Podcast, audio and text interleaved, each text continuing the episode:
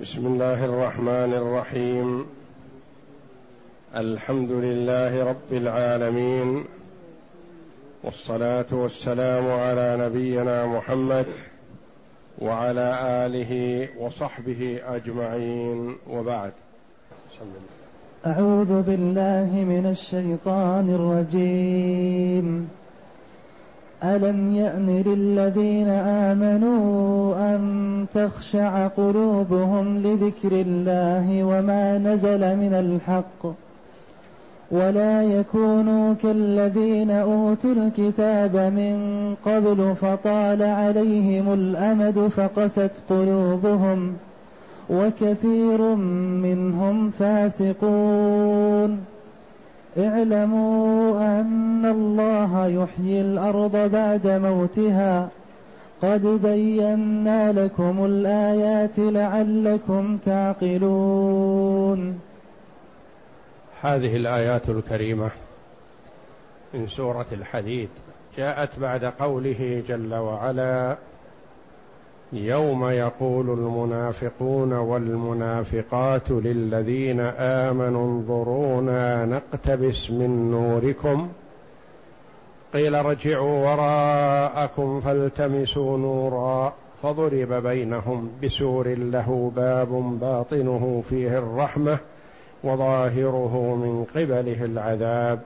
ينادونهم ألم نكن معكم؟ قالوا بلى ولكنكم فتنتم أنفسكم ولكنكم فتنتم أنفسكم وتربصتم وارتبتم وغرتكم الأماني حتى جاء أمر الله وغركم بالله الغرور.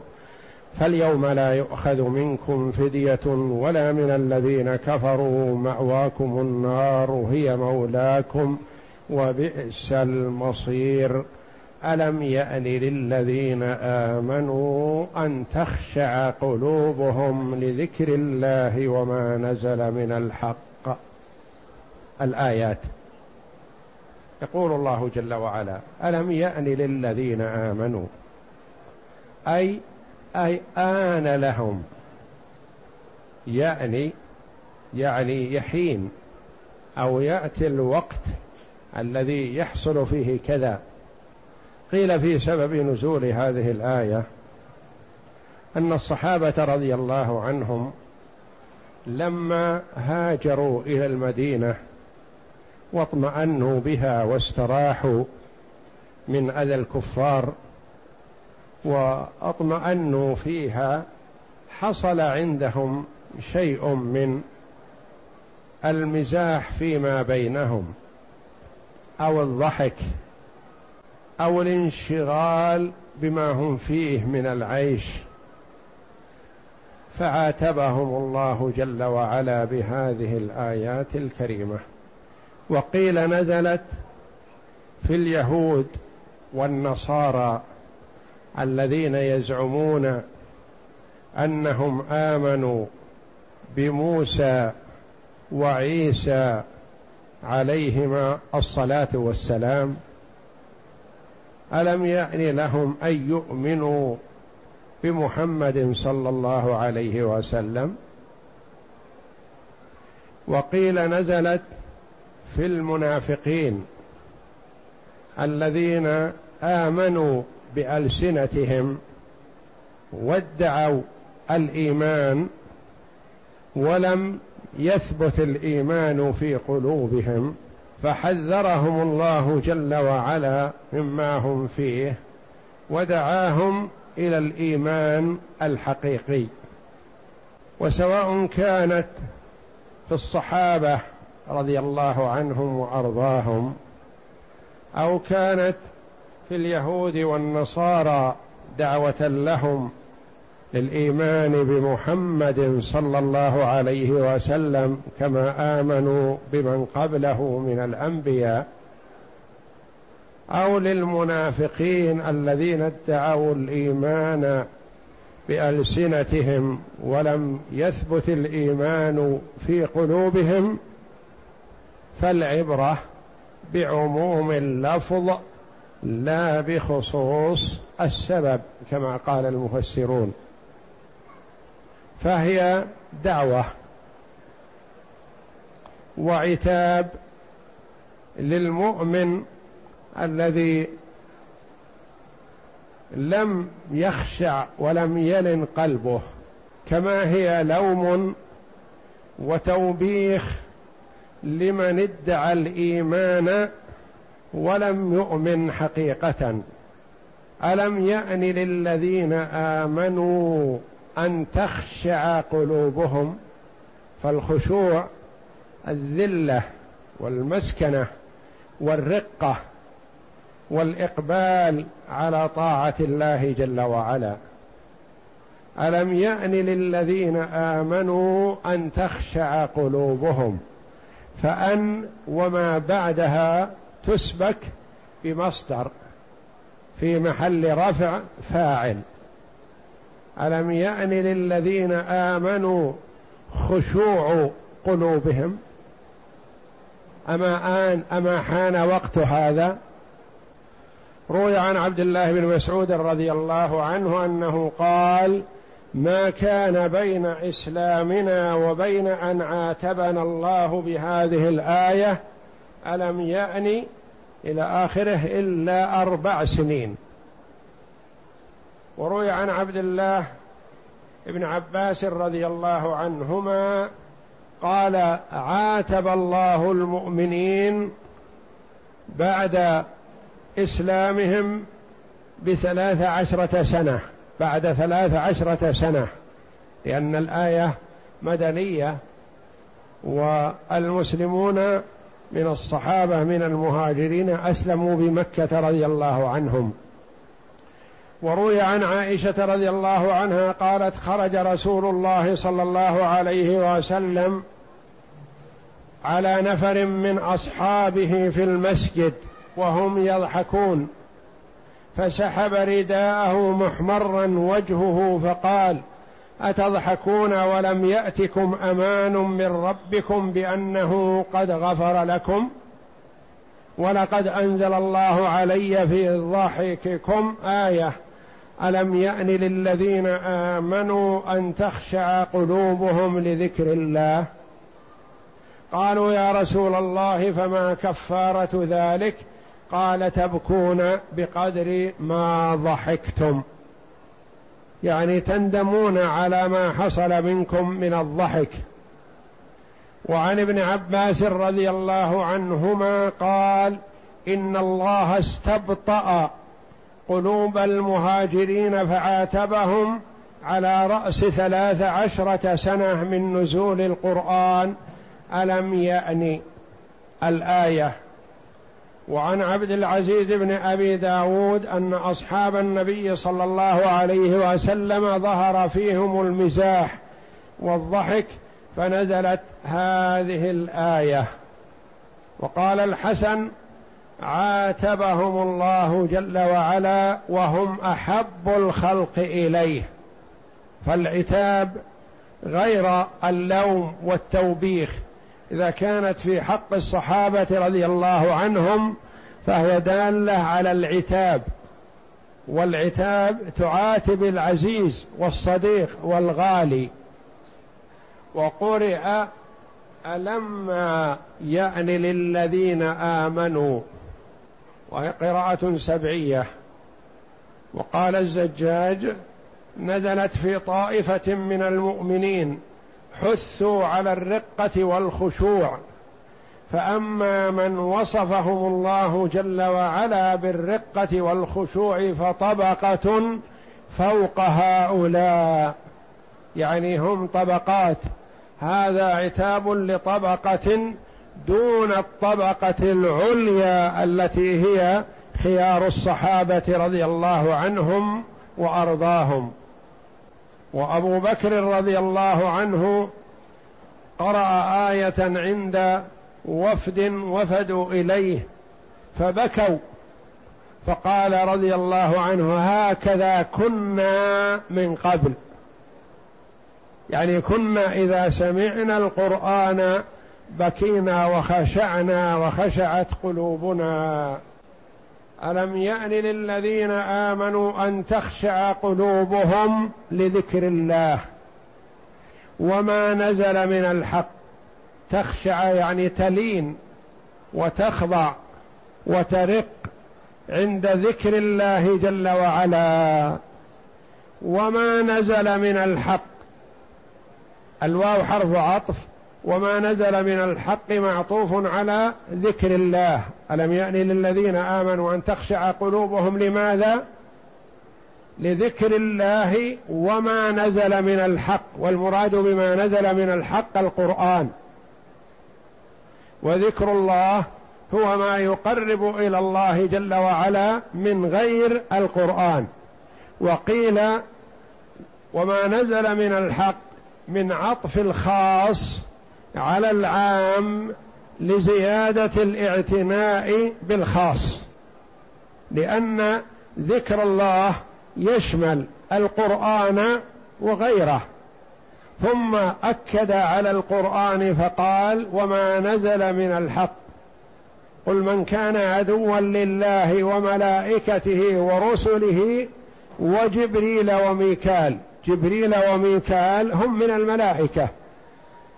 فذكروا ضمن الملائكة وذكروا بخاصيتهم من باب الاعتناء بهم وتشريفهم عليهم الصلاة والسلام. وما نزل من الحق ثم حذرهم جل وعلا أن يكونوا كالذين أوتوا الكتاب من قبل. احذروا أيها المؤمنون إذا مات رسول الله صلى الله عليه وسلم. وقدم عهدكم بالوحي والرسالة أن تكونوا مثل أولئك. ما الذي حصل من أولئك؟ حصل منهم ما حصل. بدلوا وغيروا. وذهب خوف الله جل وعلا من قلوبهم. ولا يكونوا كالذين أوتوا الكتاب من قبل. من هم؟ هم اليهود والنصارى هم الذين أوتوا الكتاب. والنبي صلى الله عليه وسلم حذر أمته من أن تتبع أولئك أو تحذو حذوهم. وقال إن هذا سيحصل. وحذر من وفقه الله فيجتنب طريق اليهود والنصارى. ولهذا أمرنا الله جل وعلا في كل ركعة من ركعات الصلاة أن نسأل الله جل وعلا أن يجنبنا طريقهم. طريق اليهود والنصارى. اهدنا الصراط المستقيم صراط الذين أنعمت عليهم غير المغضوب عليهم وهم اليهود. ولا الضالين وهم النصارى. نسأل الله أن يوفقنا لسلوك طريق من أنعم الله عليه من النبيين والصديقين والشهداء والصالحين في هذا السعادة والسلامة والفوز في الدنيا والآخرة وأن يجنبنا طريق الفئتين الضالتين. فئة عندهم علم ولم يعملوا به فغضب الله عليهم. وفئة عبدوا الله على جهل وضلال فهم ضالون غير المغضوب عليهم وهم اليهود الذين عندهم العلم ولم يعملوا به ولا الضالين وهم النصارى يعبدون الله على جهل وضلال ويتقربون إلى الله بما لا يحب يتقربون إلى الله بمخالطة النجاسات والقذورات وعدم التطهر. فهم يعبدون الله على جهل وضلال عبادة لا تقربهم من الله. ولهذا قال بعض العلماء رحمهم الله من فسد من علمائنا ففيه شبه باليهود والعياذ بالله. عنده علم لكن لم يعمل به. ومن فسد من عبادنا ففيه شبه من النصارى وهو الذي يعبد الله على جهل وضلال. ولا يكونوا كالذين أوتوا الكتاب من قبل وهم اليهود والنصارى. يحذر جل وعلا هذه الأمة تكريما لها من أن تسلك مسلك اليهود والنصارى. اليهود حرفوا كتاب الله وكذلك النصارى. فهم لما شقت عليهم التكاليف الشرعية أخرجوا كتابا يختلف عن الكتاب الذي نزل على موسى عليه الصلاة والسلام. وأتوا بأشياء من عندهم وتركوا أشياء في حكم الله جل وعلا وفي شرعه. وأخذوا بالكتاب الذي وضعوه وتلاعبوا. فالله جل وعلا وكل حفظ الكتاب إليهم فضيعوه. كما قال الله جل وعلا بما استحفظوا من كتاب الله أما القرآن العظيم فالله جل وعلا تكفل بحفظه. إنا نحن نزلنا الذكر وإنا له لحافظون. ولا يكونوا كالذين أوتوا الكتاب من قبل فطال عليهم الأمد. طال عليهم الزمان لما بعد عهدهم بالنبوة تلاعبوا بالشرائع. كان الصيام عندهم أيام معدودة فبدأوا يزيدون فيه. ففي كل مناسبة تحصل لهم زادوا حتى كثر. وشق عليهم. فنقلوا وقته من وقت الصيف الحار وجعلوه في وقت البراد ليناسبهم. تلاعبوا بشرع الله. فحذر الله جل وعلا هذه الأمة من أن تتلاعب كما تلاعب أولئك. ولهذا منعنا ونهانا صلى الله عليه وسلم أن نصوم قبل رمضان بيوم أو يومين حتى لا ندخل في الواجب شيئا ليس بواجب. وحرم علينا صيام يوم العيد حتى يكون الواجب محدود بين يومين ممنوع صيامهما. فلا يدخله زيادة ولا نقص. وحذرنا من البدعه والزيادة. من أحدث في أمرنا هذا ما ليس منه فهو رد. من عمل عملا ليس عليه أمرنا فهو رد يعني مردود عليه. ويقول عبد الله بن مسعود رضي الله عنه الذي أثنى النبي صلى الله عليه وسلم عليه وعلى علمه قال اتبعوا ولا تبتدعوا فقد كفيتم. إذا وفق المرء لسلوك ما كان عليه الصدر الأول فهذا أفضل ما يكون. جهلا أن يزيد هو يتجاوز الحد بالزيادة والشيطان اللعين يحرص على ابن آدم أن يضله يضله بأحد أمرين إما بالبدعة والزيادة وإما بالتقصير والتفريط والترك لأنه إن رأى منه تكاسل حاول أن يخرجه عن العمل بالتقليل والتساهل. وإن رأى منه الرغبة والزيادة والقوة بالعبادة حاول أن يخرجه عن طريق البدعة والإتيان بما لم يشرعه الله جل وعلا. والواجب على المسلم الثبات على الصراط المستقيم لا زيادة ولا نقص. والنبي صلى الله عليه وسلم نهى الصحابة عن التجاوز. لما نوى وهم بعضهم بالتبتل والاستمرار في العبادة قال بعضهم أنا أقوم الليل ولا أنام. وقال الآخر أنا أصوم النهار ولا أفطر. وقال الثالث وأنا أعتزل النساء. فعلم النبي صلى الله عليه وسلم بما قالوه فنهاهم وحذرهم وقال أما إني أصلي وأرقد وأصوم وأفطر وأتزوج النساء فمن رغب عن سنتي فليس مني. فالسنة وسط بين الإفراط والتفريط بين الزيادة والنقص. ولا يكونوا كالذين أوتوا الكتاب من قبل فطال عليهم الأمد. لما بعد عهدهم بالنبوة وطال عليهم الزمن وقست قلوبهم بدلوا وغيروا وما كان عندهم خشوع وما عندهم خوف من الله. فيحذر الله جل وعلا هذه الأمة أن تسلك مسلك أولئك. وكثير منهم يعني من أهل الكتاب فاسقون. والفسق هو الخروج عن الطاعة.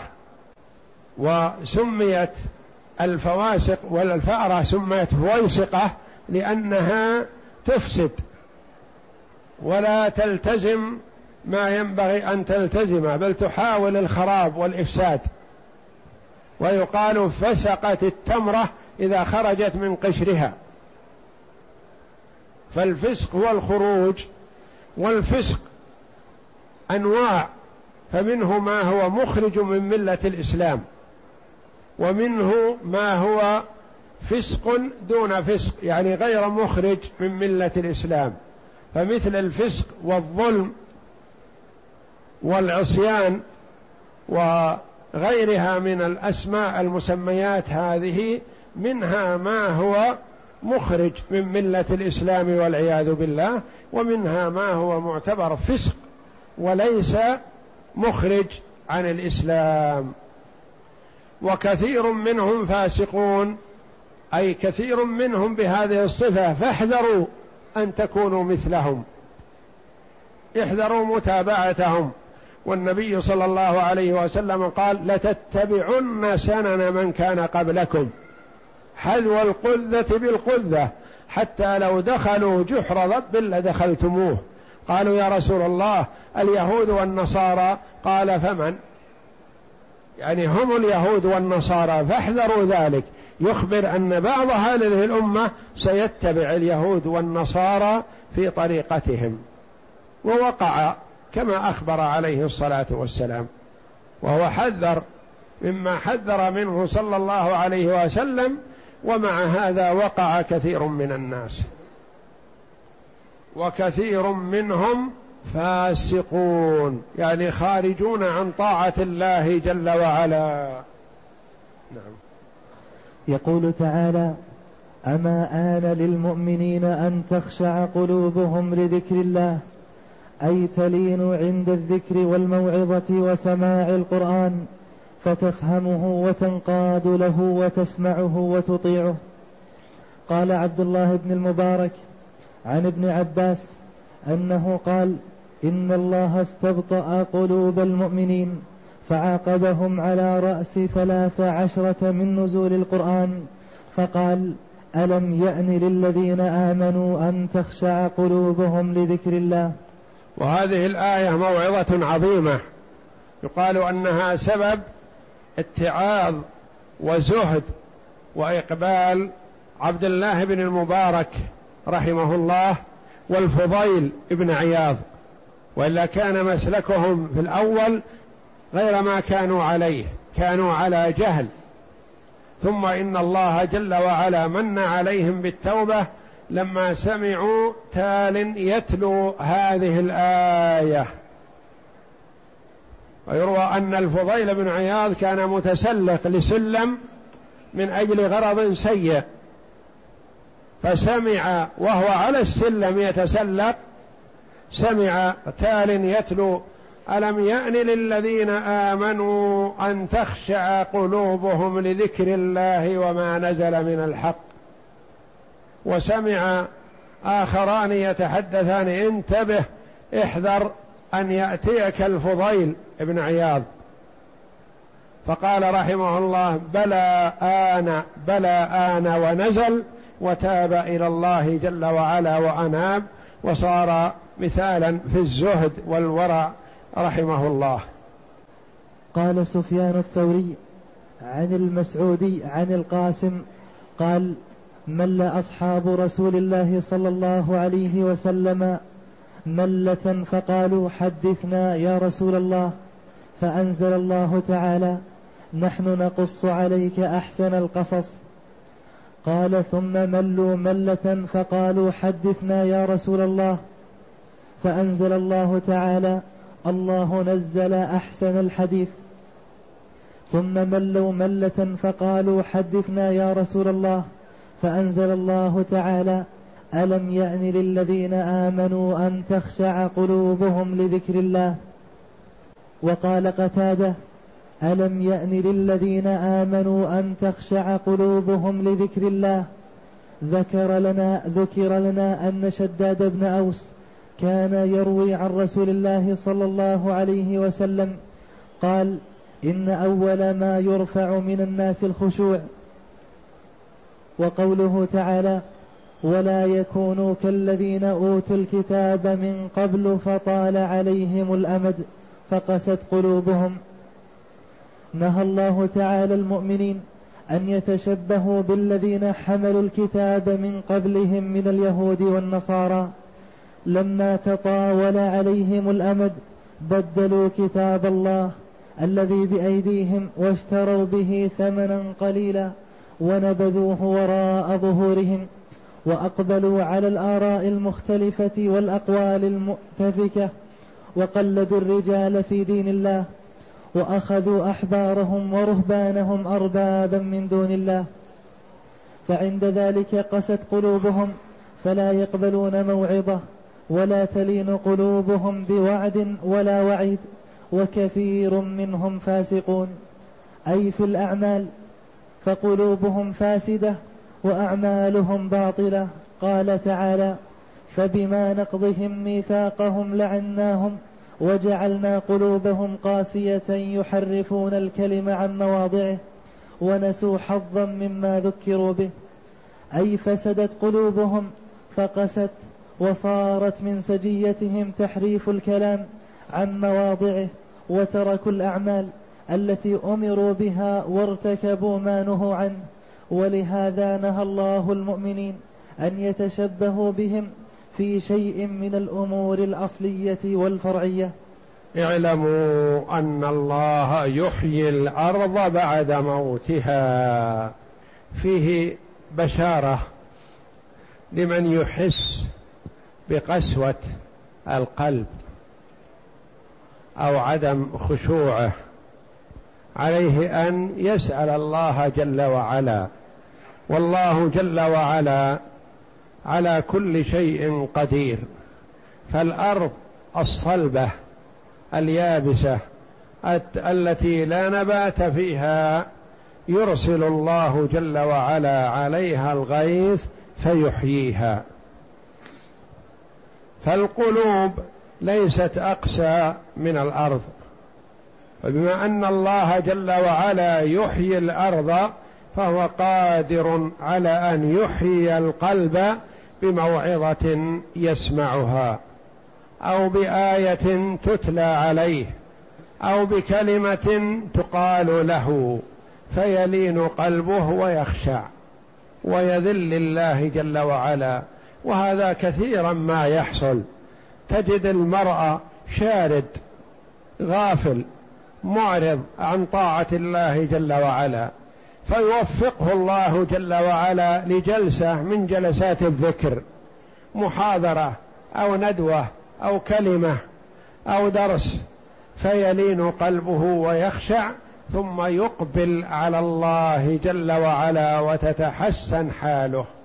فالله جل وعلا يقول اعلموا أن الله يحيي الأرض بعد موتها لا تيأس وإنما عليك أن تفعل السبب أن تقبل أن تتخذ الأسباب الملينة للقلب تبتعد عن المعاصي وتحضر مجالس الذكر وتستجيب لنداء النبي صلى الله عليه وسلم فإن فيحيا قلبك بإذن الله. كذلك في هذه الآية كما ترون ولا يخفى هذا على أحد فالله جل وعلا قادر على أن يبعث الموتى بعد موتهم وفنائهم. والله جل وعلا يحيي الخلق ويبعثهم مثل ما يحيي النبات. ورد في الحديث أن الله يأمر السماء أن تمطر مطرا كمني الرجال أربعين يوما. ثم تنبت الأجساد بإذن الله من هذا المطر. ثم ينفخ إسرافيل بالصور بالأرواح معه فتتطاير. الأرواح كل روح تذهب إلى جسدها أينما كان. بعدما يجمعه الله جل وعلا جسدا واحدا وإن تفرقت أجزاؤه وإن تنازعته الطير أو أكلته السباع أو تفرق في البحر فالله جل وعلا يجمع الجسد كله ثم تذهب الروح إليه فتدخل فيه فيكون تكون الحياة بعد ذلك.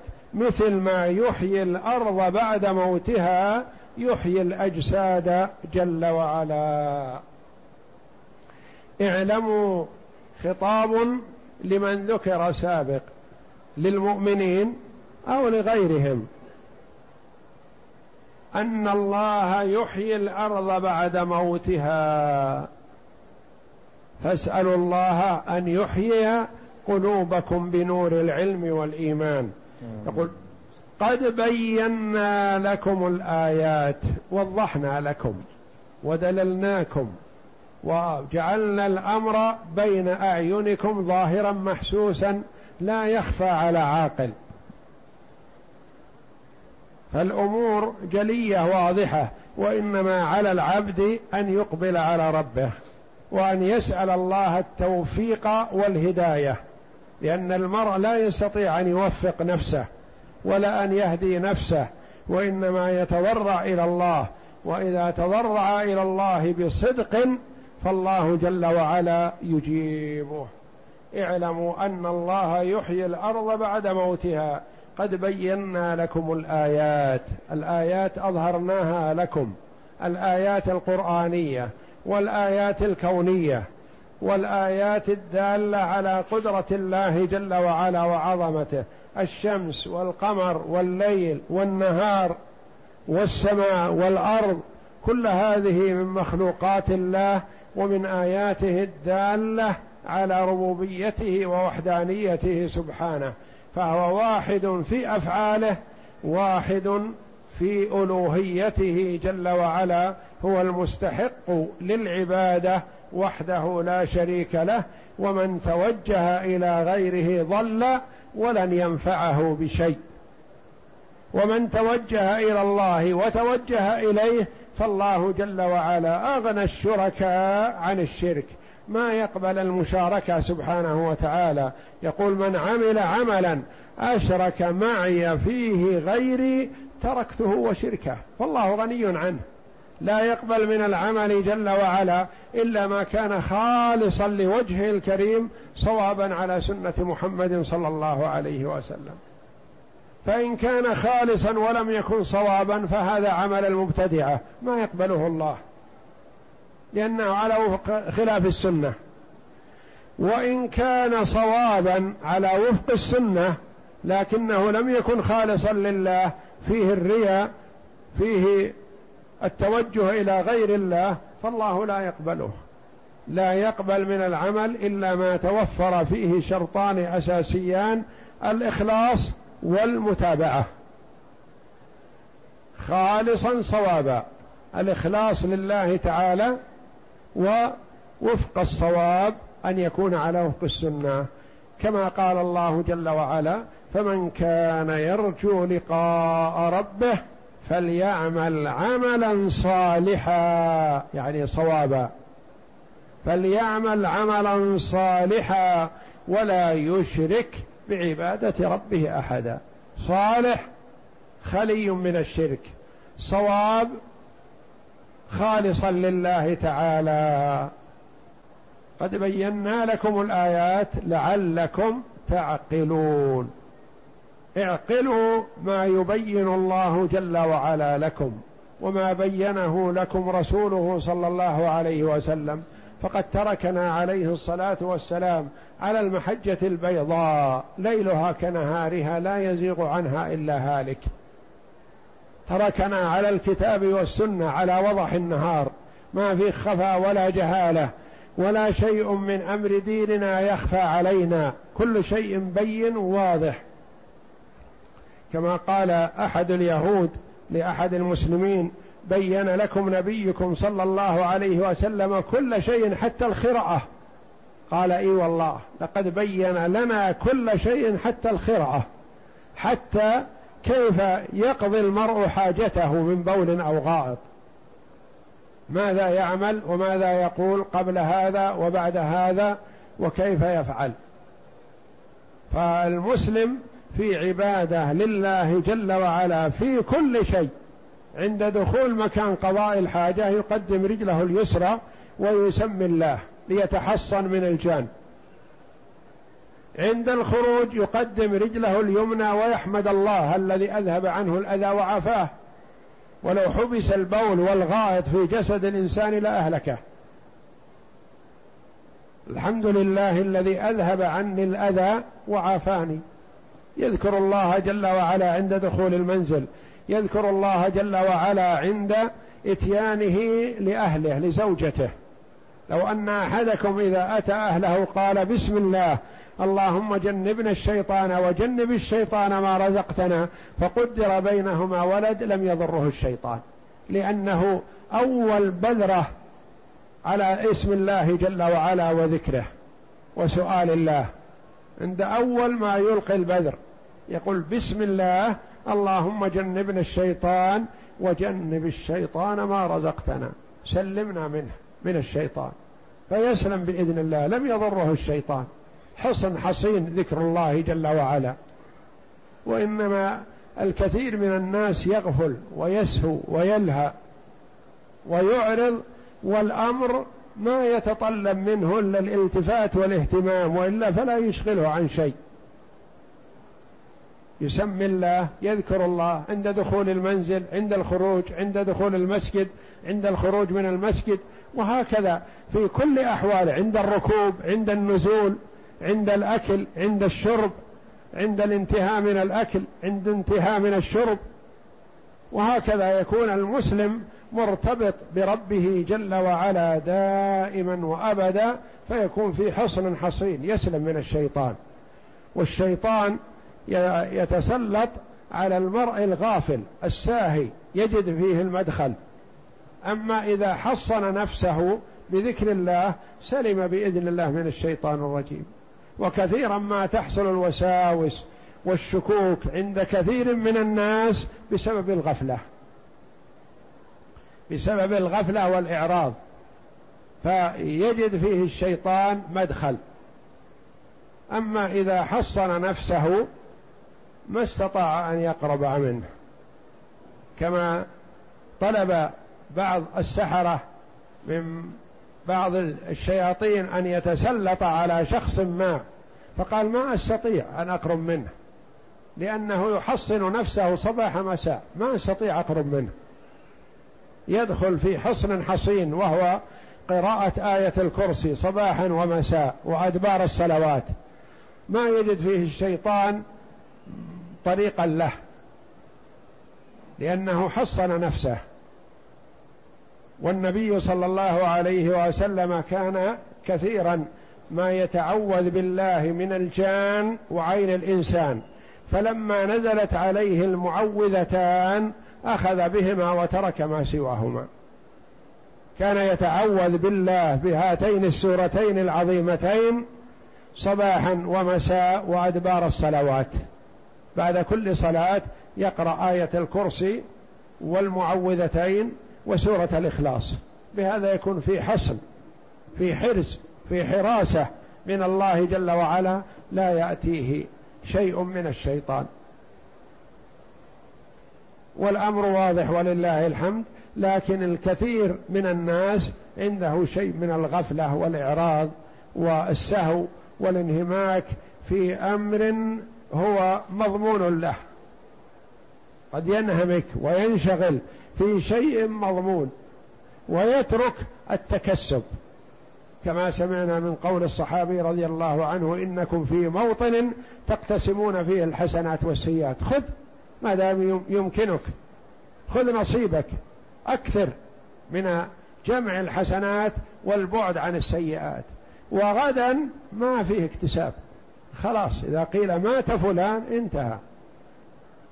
إذا مات ابن آدم انقطع عمله إلا من ثلاث صدقة جارية أو علم ينتفع به أو ولد صالح يدعو له. هذه لأنها من أثره ومن كسبه.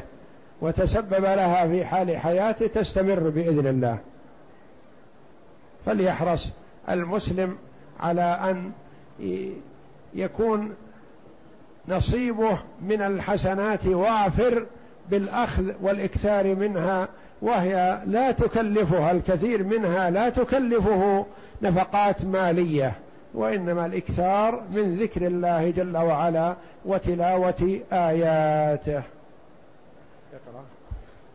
اعلموا أن الله يحيي الأرض بعد موتها. قد بينا لكم الآيات لعلكم تعقلون. فيه إشارة إلى أن الله تعالى يلين القلوب بعد قسوتها ويهدي الحيارى بعد ضلتها ويفرج الكروب بعد شدتها.